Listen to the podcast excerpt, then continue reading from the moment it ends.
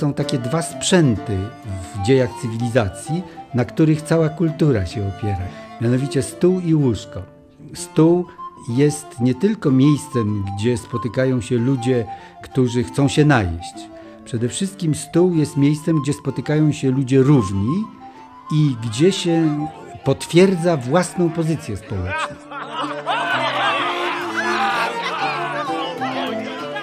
Uczta, spotkanie przy stole daje się śledzić od najdawniejszych czasów, od starożytności przez średniowiecze do czasów nowożytnych. I każda kultura, każdy okres odciska swoje piętno na tym, co nazywamy ucztą.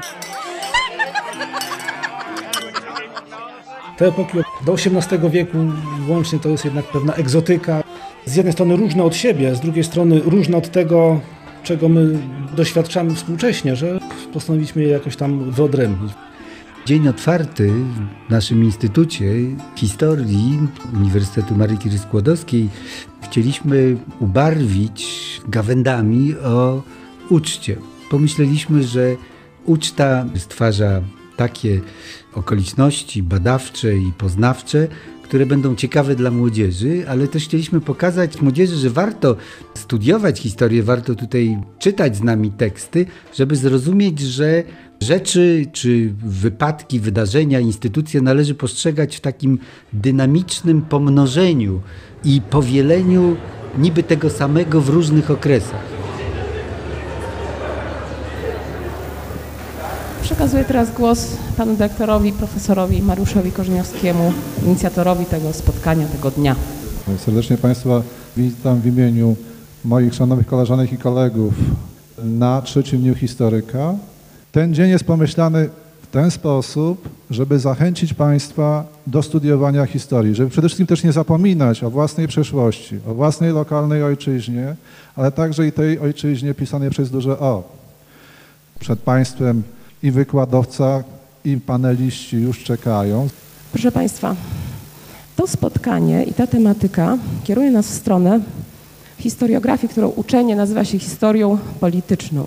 Jeżeli spojrzymy na ucztę właśnie w tym aspekcie, jako na swoistą polityczną instytucję, to musimy stwierdzić, że przede wszystkim jest ona stara jak świat, ponadkulturowa i przebierała w przeciągu dziejów przeróżne formy. Jedną z nich jest właśnie uczta rozrachunku.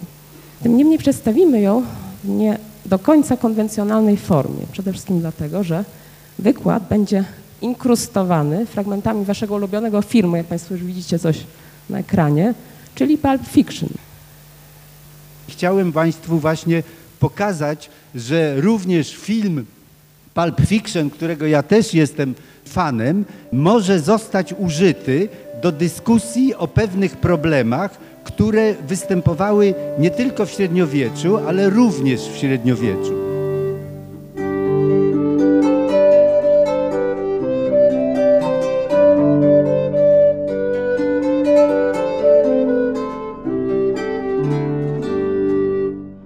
W średniowieczu przy stole taki modelowy władca wcześniejszego średniowiecza, jak mówiono, nie chciał pokazywać zębów. Nie chciano rozmawiać o głupstwach. Na ogół czytano Biblię. Ten modelowy władca, taki Ludwik Pobożny, to mówi jego biograf, że on chciał tłumaczyć pewne ważne sprawy duchowe w czasie takiej biesiady i podobnie mamy takiego komesa Giralda Zoriak, to jest już taki, umiera na początku X wieku i on też próbował swoich rycerzy, ale to jest, jak mówię, to jest model taki, tam na pewno rozrabiali, byli pijani, psy chodziły, rzucały, bo psy były dopuszczone do uczty. To jest jedna sprawa, ale my mamy też przekazy skandynawskie i wiemy, że jak taka watacha męska piła, a piła zdrowo, to takim ulubionym zajęciem było rzucanie w siebie kośćmi. Leciała ta kość i nawet mogła krzywdę zrobić. Ale to była taka zabawa rycerska? Tak, czy... Taka zabawa półrycerska, prawda, że rzucano psom, ale też trafiano w tych słabszych, tych gorszych kompanów. I to mamy potwierdzenie nie tylko z tego kręgu, ale również na przykład znam taką kronikę z połowy XI wieku włoską, gdzie również podobne zabawy. Tam jeden się zabawia kośćmi i układa, bo je przegryza. Na uczcie pokazuje, że on jest taki silny, że łamie te kości, robi sobie taką piramidkę i Karol Wielki, jego tak, moc. jego siłę, jego moc, Karol Wielki mówi, oho, tego nie znam jeszcze, a to musi być jakiś straszny zabójca. Także te uczty były, no, też i sądzę, że zabawne. Były bardziej spolegliwe, powiedziałbym, z podtekstami, znów erotycznymi. Znana była taka gra, zabawa z sympozjonem i pisiem wina mocno związane, kot tabos. Czyli jeśli pito z takich specyficznych naczyń, które zresztą w rytuałach religijnych były wykorzystywane, te kliksy o dużej powierzchni. Kliks to jest kielich, właściwie rodzaj filiżanki na stópce. Chodziło o to, żeby te ostatnie krople, tak jak pierwsze w formie libacji oddawane Bogom, czy herosom, czy państwu, to bardzo ważne. Chodziło o to, żeby trafić ostatnimi kroplami z kiliksa do krateru. Jak się pomyślało w tym momencie o imieniu wymarzonej, tej jedynej, to po trafieniu mogło się to spełnić. W gruncie rzeczy jedzenie jest najlepszym medium społecznej komunikacji. I na przykład wyznanie miłości w średniowieczu jest również podaniem pucharu. I mamy taki przekaz u Pawła Diakona, jedna z królowych Teodolinda chyba, z takim Herosem Agilulfem, który był, ona była królową, ale szuka drugiego męża i prosi go o puchar. I on jej podaje ten puchar i przyklęka. On mówi: Nie musisz przyklękać, bo ktoś, kogo dopuszczam do ust, to powinien je pocałować, czy coś takiego, a nie tutaj podawać mi puchar. Czyli to było jak gdyby medium poddania się, zadzierzgnięcia związku, no, przypijanie. A rozpusta? W średniowieczu rozpusta nie jest taka atrakcyjna, wie pan. Łatwość zaspokojenia seksualnego wtedy była dla tych warstw wyższych tak duża, że ta rozpusta, no nie wiem, czy ona była taka interesująca. Bardziej wiąże z y, ucztami antycznymi. Te uczty stają się heteroseksualne i homoseksualne. Ci młodzieńcy, którzy usługują przy uczcie, są często przedmiotem pożądania seksualnego. Owszem, mówi się o tym, że kto wypije za dużo wina, temu w służbie Afrodyty coś tam może przeszkadzać, ale nie ulega wątpliwości, że ma to miejsce.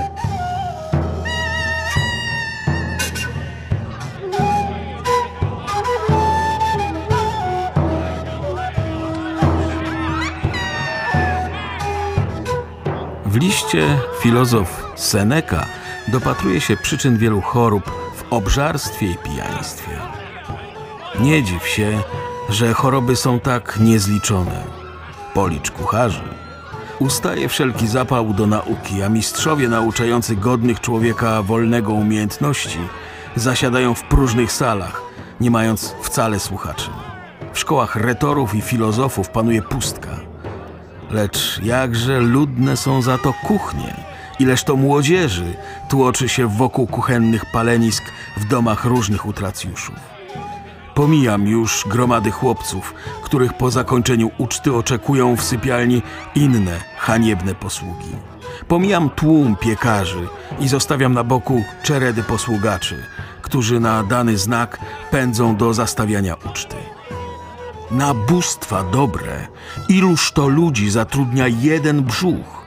I cóż, czy sądzisz, że owe grzyby, będące przyjemną trucizną, nie wytwarzają żadnej ukrytej szkody, choćby ich działanie nie było szybkie? Cóż, czy uważasz, że owe paskudne potrawy, które ledwie nie z samego ognia przenoszone bywają do ust, stygną we wnętrznościach bez żadnej dla nich szkody?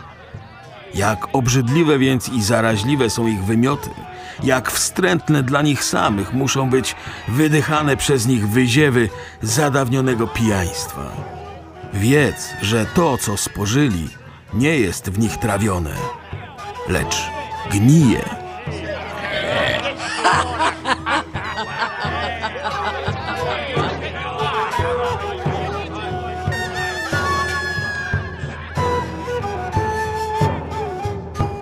Arystokracja średniowieczna pokazuje, że stół jest manifestacją takiego wysublimowania. I to jest takie rywalizowanie, kto większą ucztę zrobił.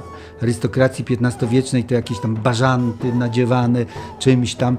To była walka poprzez manifestowanie, chociażby dodawanie korzeni, no To takich. w epoce staropolskiej jest Tak. bardzo widoczne właśnie ta rywalizacja. Im większa przemyślność uczty, im większe zaskoczenie gości, tym większy honor dla gospodarza. Chodziło nie tylko o, o bogactwo, ale i o pewien element zaskoczenia. Szokowano liczbą na przykład kucharzy. Tym, co kucharze mówili o sobie, bo oni w starożytności uprawiali taką samoreklamę. Jak ktoś miał problem z przygotowaniem uczty, to szedł na forum czy na agorę w miastach greckich i tam znajdował profesjonalistów, którzy za jakąś opłatę byli w stanie przygotować wspaniałe uczty. Jak jeszcze do tego niewolnicy byli ubrani podobnie, no to tworzył się dwór charakterystyczny taki, o którym można było opowiadać. Taka anegdota zacytowana przez księdza Kitowicza, no jednego z piewców staropolskiego obyczaju, autora dzieła Dzieje obyczaju za panowania Augusta III.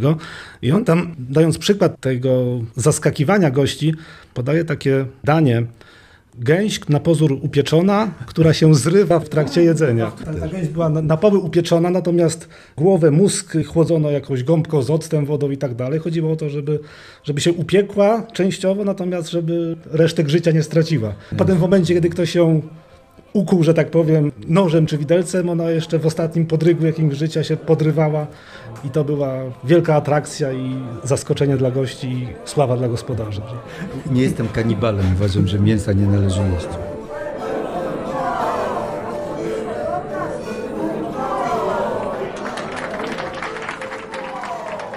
Wniesiono tacę, na której leżał pierwszej wielkości dzik, a z kłów jego zwisały dwa z palmowych gałązek splecione koszyki. Jeden pełen suszonych, a drugi świeżych daktyli. Małe warchlaki z twardego ciasta, leżące w koło, jak gdyby dobierały się do wymion, wskazywały, że zwierzę przedstawia maciorę. Te były przeznaczone do rozdania między gości.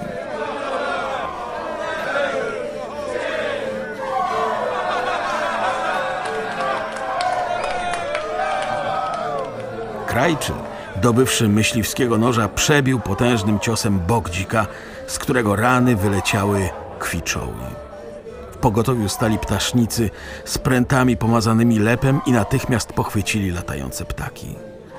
Tedy Trymalchion, rozkazawszy dać każdemu jego ptaka, rzekł Patrzcie, co za wykwintne żołędzie jadł ten dziki wieprz. Natychmiast niewolnicy przystąpili do koszyków, które wisiały u kłów i w równej liczbie rozdzielili świeże i suche daktyle między biesiadników. Potem taca z ogromną świnią zajęła stół. Kucharz chwycił nóż i trwożną ręką ciął w prawo i w lewo w brzuch świni. Natychmiast z przecięć, rozszerzających się pod ciśnieniem ciężaru, wypadło mnóstwo kiełbas i kiszek.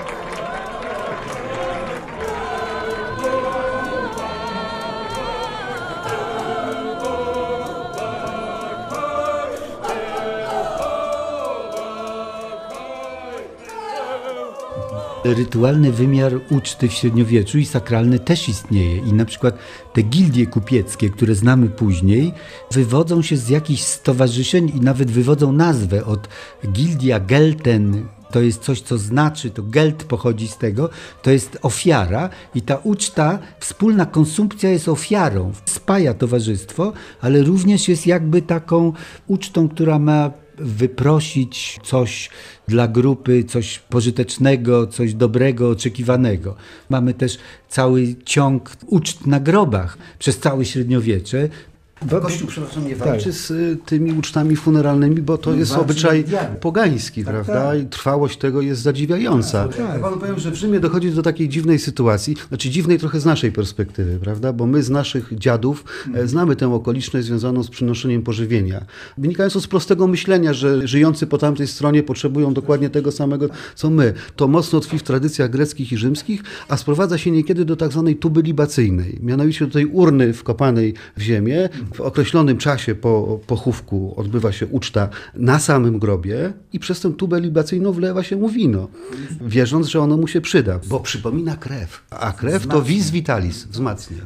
Jedzenie za zmarłych i modlitwy – przypominanie ich, to jest ewokacja ich, oni jak gdyby są przywoływani z powrotem, a przecież wczesne chrześcijaństwo, no to potem z tym walczono, ale na początku to było wszystko ok, że były katedry przecież, każdy miał takie miejsce, siedzieli przy grobie, jedli i to było przywołanie tych dusz, które też jakoś się tam żywiły.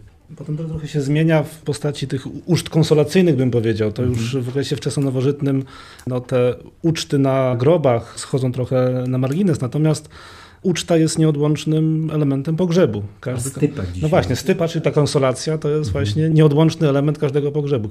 Każdy pogrzeb kończy się, no w zależności od statusu, pozycji i tak dalej zmarłego, jego rodziny. No, różna wystawność tych konsolacji była oczywiście, ale pewne elementy stałe właśnie za spokój duszy zmarłego i takie pocieszenie, pocieszenie Tak, dla ale tych... to nie oznacza, że są to uczty smutne.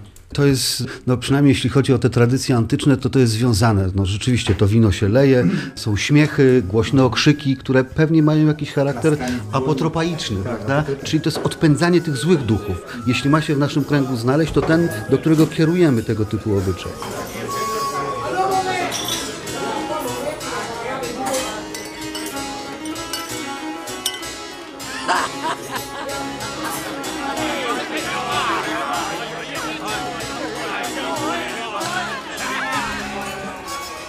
Średniowiecze tak się koncentruje na talerzach, kto podaje, że podają wspaniali młodzi rycerze, każdy ma tam pięć pierścionków na każdym palcu. Ale starożytność nie zna na przykład sztućców. No z łyżka jest znana przede wszystkim i wykałaczki.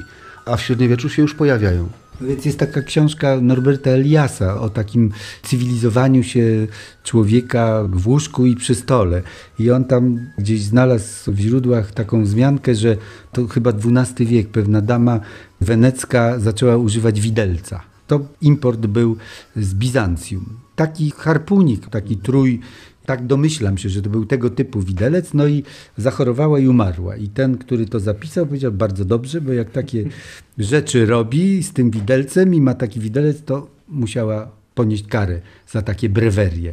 Ale jakby mniej słyszałem o tym, co jedli, a więcej słyszałem o tej oprawie. No zresztą proszę zobaczyć ten klasyczny opis Galla, jak podejmował Bolesława, prawda? To my tam słyszymy, że kubki, zasłony, tam, to siam, to owam, to wszystko wspaniałe, no ale nie bardzo wiemy, co tam jedli. Bolesław Chrobry w czasie zjazdu gnieźnieńskiego, tak chlubnie wyniesiony na królewski tron przez cesarza Ottona III, okazał wrodzoną sobie hojność, urządzając podczas trzech dni swojej konsekracji prawdziwie królewskie i cesarskie biesiady i codziennie zmieniając wszystkie naczynia i sprzęty, a zastawiając coraz to inne i jeszcze bardziej kosztowne. Po zakończeniu bowiem biesiady nakazał cześnikom i stolnikom zebrać ze wszystkich stołów z trzech dni złote i srebrne naczynia, bo żadnych drewnianych tam nie było. Mianowicie kubki, puchary, misy, czarki i rogi i ofiarował je cesarzowi dla uczczenia go, nie zaś jako dań należną od księcia. Komornikom zaś rozkazał zebrać rozciągnięte zasłony i obrusy, dywany, kobierce, serwety, ręczniki i cokolwiek użyte było do nakrycia i również zanieść to wszystko do izby zajmowanej przez cesarza. A nadto jeszcze złożył mu wiele innych darów, mianowicie naczyń złotych i srebrnych rozmaitego wyrobu i różnobarwnych płaszczy, ozdób niewidzianego dotąd rodzaju i drogich kamieni. A tego wszystkiego tyle ofiarował, że cesarz tyle darów uważał za cud. Poszczególnych zaś jego książąt tak okazale obdarował, że z przyjaznych zrobił ich sobie największymi przyjaciółmi. Ale z drugiej strony mamy też takie pouczenia, jak zachowywać się przy stole. To jest cały gatunek literacki. Do, savoir vivre, tak. To wiemy, że raczej jedli kiepsko że na przykład są takie przepisy, że nie wyciągaj łapy przed wyżej podstawionym. Jak ci się kawałek wzięty ze wspólnej misy nie podoba, to nie odkładaj go z powrotem. Okiem na żonę gospodarza. Nie, no to, to tam mniejsze, ale nie puszczaj bąków za przeproszeniem przy uczcie. Jak już musisz wyhaftować, to odejdź. Ale gorzej chyba było w epoce saskiej. A to była normalna praktyka, zresztą to Wymiotowali. żeby po prostu zrobić sobie miejsce na nową konsumpcję, kiedy już się nie mieściło, no to też Kitowicz, tak, także w innych pamiętnikach są takie relacje, że po prostu kiedy komuś już przelewało jadło, a szczególnie picie, wychodził na stronę jakimś piórkiem sobie drażnił przełyk. Ja pamiętam taki kawałek z Kitowicza. Mianowicie on opisuje właśnie ten przypadek, kiedy za dużo ktoś wypił i zwymiotował. I zwymiotował na siedzącą obok damę.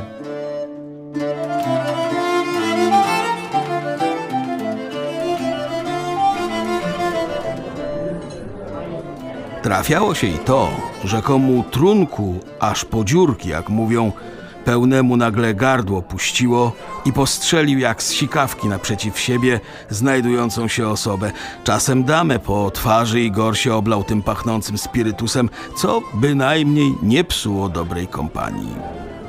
Niezdrowy z resztką ekshalacji uciekał co prędzej za drzwi albo gdzie w kąt. Także dama, ustąpiwszy na bok, jako tako na prędce ochędożyła, a resztę w śmiech obrócono i wszystko znowu do pierwszego ładu powróciło. Ten jednak, któremu się taki przypadek zdarzył, już nie miał miru w kompanii. Za czym albo do niej nie powracał, albo jeżeli powrócił, to się bawił z osobna, nie zasiadając miejsca straconego.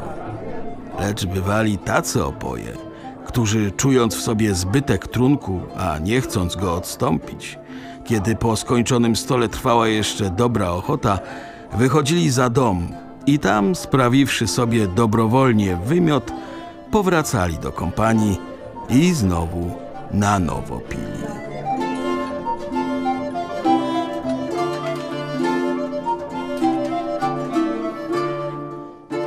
My Polacy jesteśmy w stanie tolerować takie postawy, wychodząc z założenia, że to się mieści w naszej tradycji, że ktoś, kto sobie wypije, to taki bohater.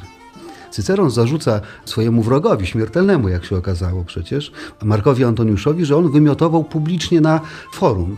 I dziwiło go nie sam fakt tego, co się zdarzyło Antoniuszowi, bo on wprost z uczty prawdopodobnie trafił na Rostra, a raczej miejsce i okoliczności. Czyli zarzucał, miał mu za złe. Tak, miał mu za złe, bo to jakby uważano za normalne. Ktoś, kto ma mocną głowę, jest w porządku facetem. Jest tutaj taki rodzaj tolerancji właśnie. W okresie staropolskim to wręcz mocna głowa to była przepustka do, do kariery. Było takie powiedzenie, że, że kto ma mocną głowę, ten będzie miał honor, sławę i urzędy zapewnione.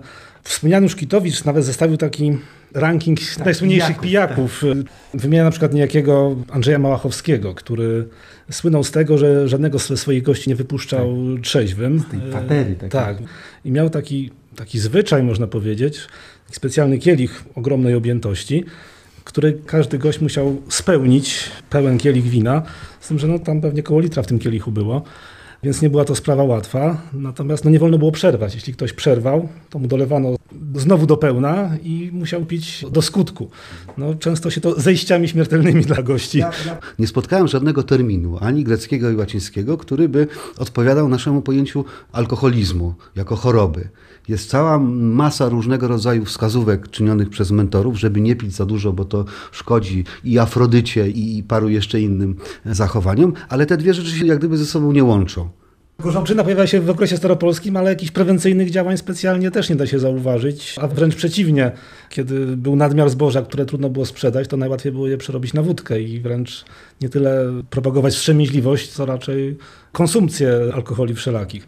To charakterystyczne dla trzech, czterech Polaków się zebrało, rozmawia o o stole, uczcie, a kończy, kończy się na alkoholizmie. To jest signum może nie temporis, ale signum loci. Co ciekawe, przy suchych, że tak powiem, pyskach. pyskach tak, tak.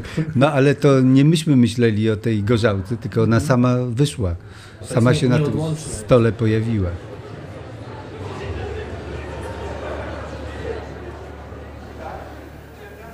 To my tutaj grupowo chcieliśmy zapytać, jakie jadano obiady w starożytności?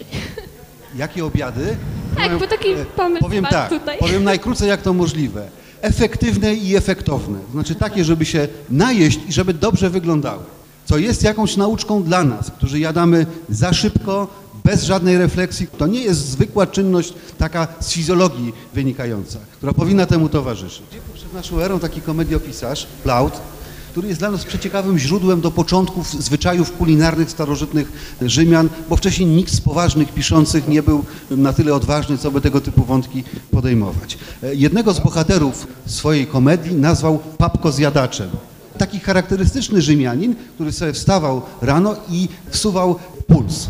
To było coś takiego, wrzucano mąkę, najlepiej jęczmienną lub pszenną na wodę. Trzeba było to dobrze rozbełtać wymieszać to z serem, dalej wymieszać to z miodem i macie gotowe płatki. Nie jest to chyba zbyt apatyczne, prawda? Ale cała starożytność rzymska oparta jest na takim prostym jedzeniu. Pomyślcie o jednej rzeczy. Szacuje się, około 20 razy mniej mięsa jadano w starożytności w relacji do tego, co, co jadamy dzisiaj.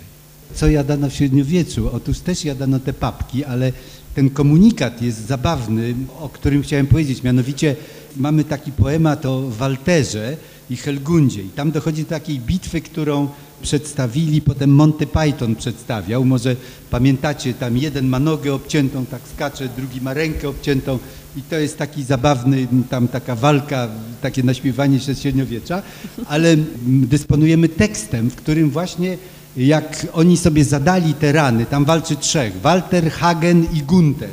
Gunter nie ma nogi, więc tam skacze na tej. Walter traci rękę prawą, a Hagen dostaje tak po zębach i oka nie ma. I potem oni siedzą sobie, Helgunda ich tam opatruje, oni są już weseli, popijają wino i takie prześmiewki sobie robią. Hagen najpierw mówi do tego Waltera, a jak ty będziesz tam żonę obejmował? Przecież nie masz prawej ręki, ha, ha, ha. To jest taki średniowieczny dowcip, a mówi, a gdzie będziesz... E, no, takie było średniowiecze. No ale teraz najważniejsze, Walter rewanżuje się Hagenowi i mówi, a ty to będziesz musiał jeść jak chłopi takie breje, bo mięsa pieczystego z jelenia już nie zjesz. Czyli tutaj od razu mamy taki podział, kto co jadł, prawda? Mięso było zarezerwowane dla takiej konsumpcji no, szlacheckiej czy rycerskiej, klasztory ewentualnie, jeżeli nie było postu, to tam czasami dostawali mięso.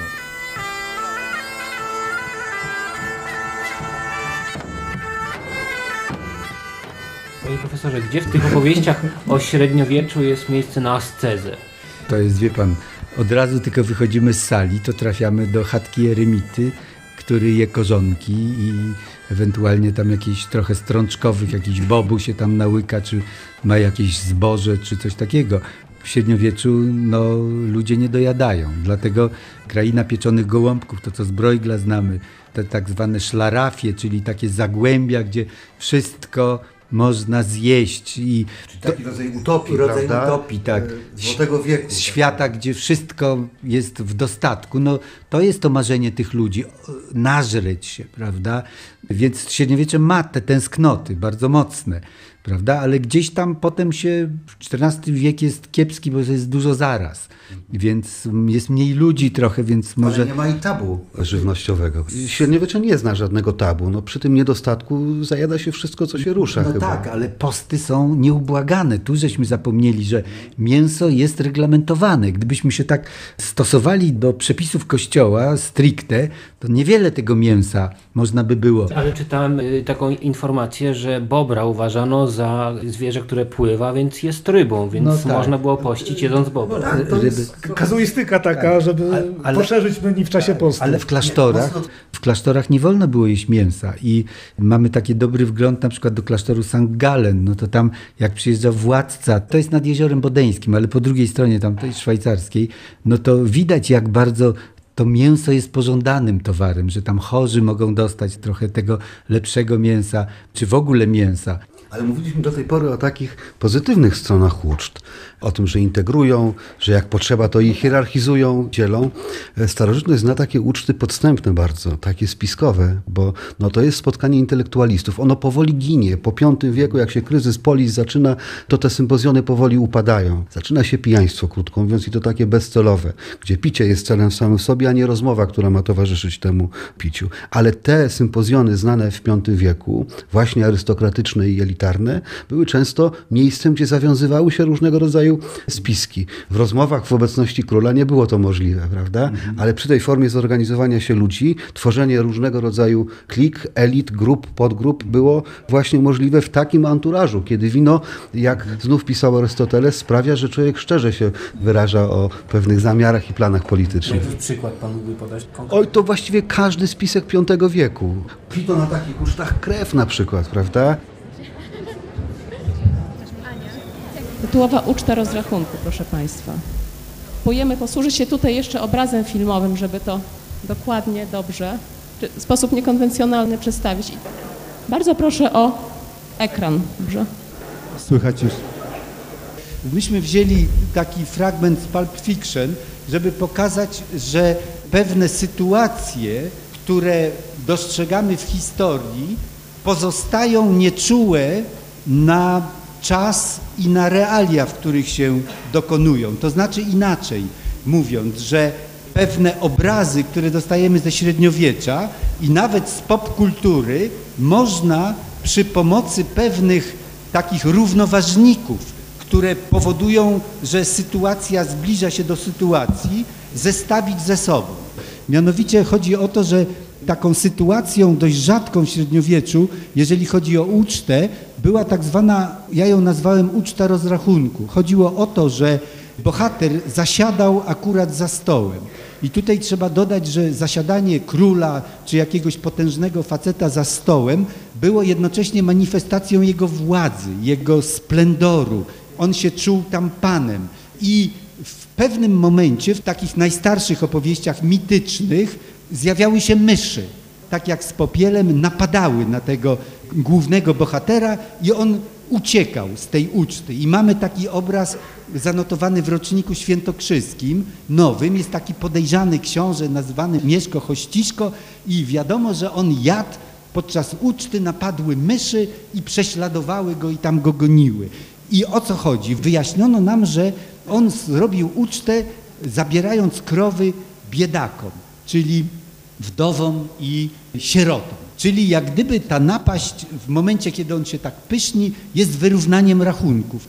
W każdym razie ta sytuacja pojawienia się w cudzysłowie mściciela jest taką kalką, która pojawia się nawet właśnie w popkulturze u tego Quentina Tarantino.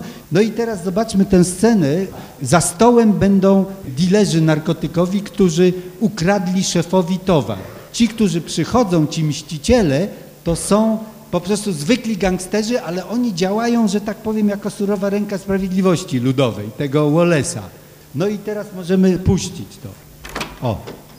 On jest przy uczcie. Szef tej bandy, która oszukała, mają marihuanę, całą walizkę, są zadowoleni, nic ich nie przestrasza, na pukanie otwierają normalnie. I teraz zobaczcie, staje, nie jest to mysz, ale intruz zakłóca ucztę naszych bohaterów.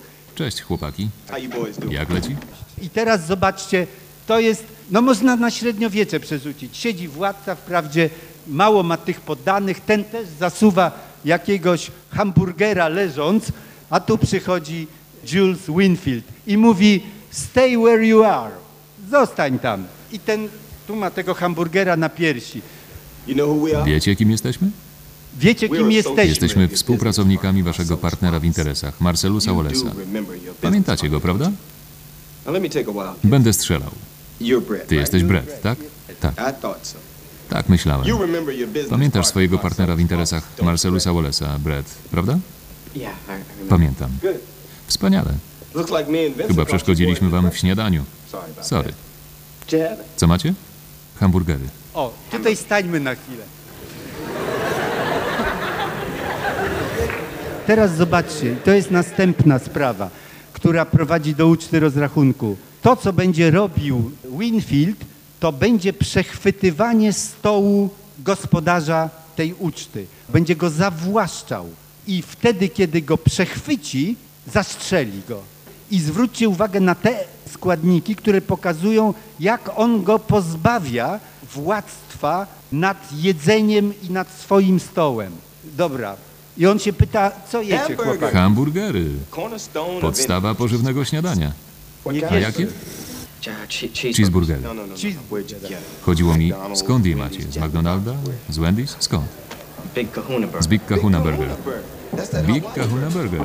To te hawajskie. Te uczty to bardzo ciekawe i w ogóle to jest ciekawe, że taki motyw jest zastosowany w kulturze tak szeroko, w tych wszystkich filmach gangsterskich.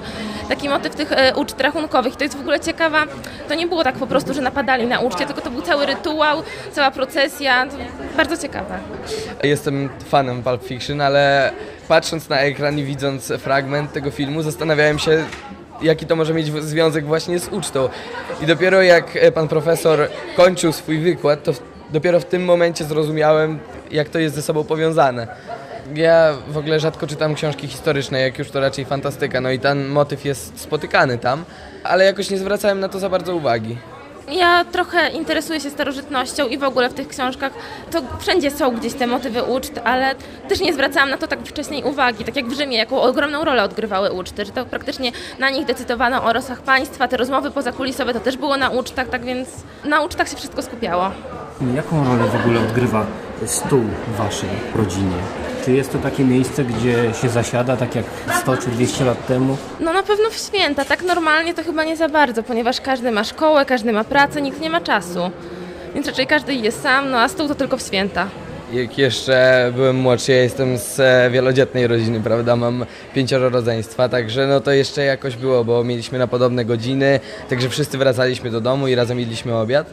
No a teraz, że ja kończę później, rodzina się jakoś porozjeżdżała po świecie, to też nie, jakoś teraz tak już nie jest. Jak raz się nam czasami uda jednak siąść razem przy stole, no to czasami ten obiad trwa powiedzmy dwie godziny. O czym rozmawiacie? O przyszłości ogólnie, może jakie studia, o rodzeństwie, o rodzinie w ogóle. Takie sprawy po prostu zwyczajne, codzienność. U nas to bardziej, mój tata ma na przykład pasję, druga wojna światowa i on ciągle mówi o tym, nie może przestać. Jestem nauczycielem liceum 5 ALO w Lublinie. Jesteśmy szkołą zaprzyjaźnioną z Instytutem Historii i jesteśmy gośćmi tutaj co jakiś czas. Temat jest bardzo ciekawy według mnie. Co prawda w programie nauczania jest tematem marginalnym, ale wydaje mi się, że właśnie poprzez takie ciekawostki można zainteresować uczniów nie tylko historią, ale i życiem codziennym. Wiąże się on nie tylko z historią, ale również z historią sztuki, WOS-em, literaturą. A jak wygląda ucztowanie w Pana rodzinie? Jest to temat bardzo przyjemny i dużo emocji pozytywnych z tym się wiąże. Wydaje mi się, że ucztowanie zmieniło się od czasów mojej dosyć wczesnej młodości, natomiast obecnie jest takim elementem dosyć przyjemnym i wiąże się z moją rodziną po prostu. Po to się ucztuje, po to się spotyka, by rozmawiać, by być ze sobą po prostu. Natomiast to jest również miejsce, gdzie możemy powspominać i mówić o przyszłości, o tym, co najważniejsze u nas. Mi najbardziej z ucztowaniem, jako że najbardziej lubię wiek XVI-XVII, najbardziej się kojarzy biesiady szlacheckie. Tutaj akurat w tym wykładzie kwestia XVII wieku nie była tak bardzo poruszana, więc wolałem oddać pole, jeśli chodzi o pytanie osobom, które bardziej interesują się starożytnością, średniowieczem, ale mimo wszystko bardzo ciekawe zagadnienia były poruszane. Lubisz gotować, pichcić czy jeść? No ja raczej jestem za jedzeniem. Bardzo lubię jeść różne dobre rzeczy, na przykład hamburgery. Tu dosyć pogardliwie się wypowiadali profesorowie o fast foodach. No niestety profesorowie się wypowiadali tak, a nie inaczej. Oni no może nie mieli z tym tak dużo styczności z takimi barami typu, w których serwują na przykład hamburgery typu McDonald's, to mogą po prostu nie wiedzieć, że to jest dobre. One są bardzo dobre, bardzo mi smakują. W każdym razie można je szybko dostać, za niewielką cenę nawet i się najeść dobrze. Ja lubię bardzo celebrować jedzenie i lubię sobie jeść bardzo powoli. Mogę jeść dwie godziny, ale jeżeli nie mam czasu, no to wtedy czasem można wyjść po prostu do fast foodu. No. A fast food, no, jest dobry, no nikt temu nie zaprzeczy, prawda? Ale to chodzi tylko, żeby się czymś napchać.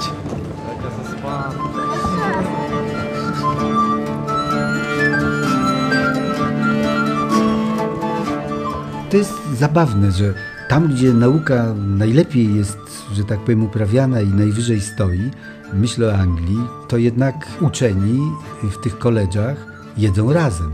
To jest manifestacja. Profesorowie siedzą, doktorzy siedzą pospołu, piją razem, to człowiek przechodzi się, dyskutuje. Właśnie my jesteśmy no naprawdę tak spauperyzowani przez tą naszą sytuację. Jesteśmy traktowani jak szkoły jakieś zawodowe. W gruncie rzeczy to powinniśmy hodować tutaj świnki, żeby jeszcze się wyżywić przy tych uniwersytetach. Zabierają nam właśnie to, co jest najpiękniejsze. Poczucie korporacyjności, siedzenie przy stole. Wie pan, no gravitas akademika to jest właśnie dyskusja przy kawie, przy obiedzie wspólnym, to jest rozmowa. Będą na głowy się globalizować jak McDonaldy i hamburgery i inne jeszcze zjawiska, które zresztą korzenie rzymskie mają, bo w Rzymie nie było zwyczaju gotowania w domu. W Pompejach, które liczyły do 15 w porywach tysięcy mieszkańców, naliczyli archeolodzy około 160 różnego rodzaju fast foodów. Fast foody, właśnie. Gdzie się jadało na stojąco. Właśnie, ale to wynikało z faktu, że ci ludzie w tym kapitalizmie czystej wody byli tak zakręceni wokół swoich spraw, że nie stawało czasu. A poza tym, jak sobie ktoś pomieszkiwał w insuli, to rozpalenie ognia w tej insuli nie było możliwe. Więc żeby zjeść coś na ciepło, to trzeba było tych kałpone e, sobie zachodzić. Ale to cywilizacja wymusza pewnego typu prawda, rozwiązania kulinarne. Jemy w biegu, stosujemy jakieś najprostsze metody odżywienia się, nie siadamy, nie rozmawiamy. Tracimy dość dużo. W zasadzie tylko święta przynoszą jakąś taką odmianę tutaj. Dochodzimy do takiego etapu, że jemy, żeby się najeść, a nie po to, żeby się spotkać, podyskutować. Ta otoczka jedzenia jest coraz mniej ważna. Ważne jest jedzenie i to najlepiej szybkie. Utrzymanie żeby- fizyczne, a nie jakieś fizyczne. takie społeczne, którym zawsze jedzenie było. Walor jedzenia to wygląd, to zapach, no i możliwość Bycie rozmowy, razem, no, tak. bycie razem. Jasne.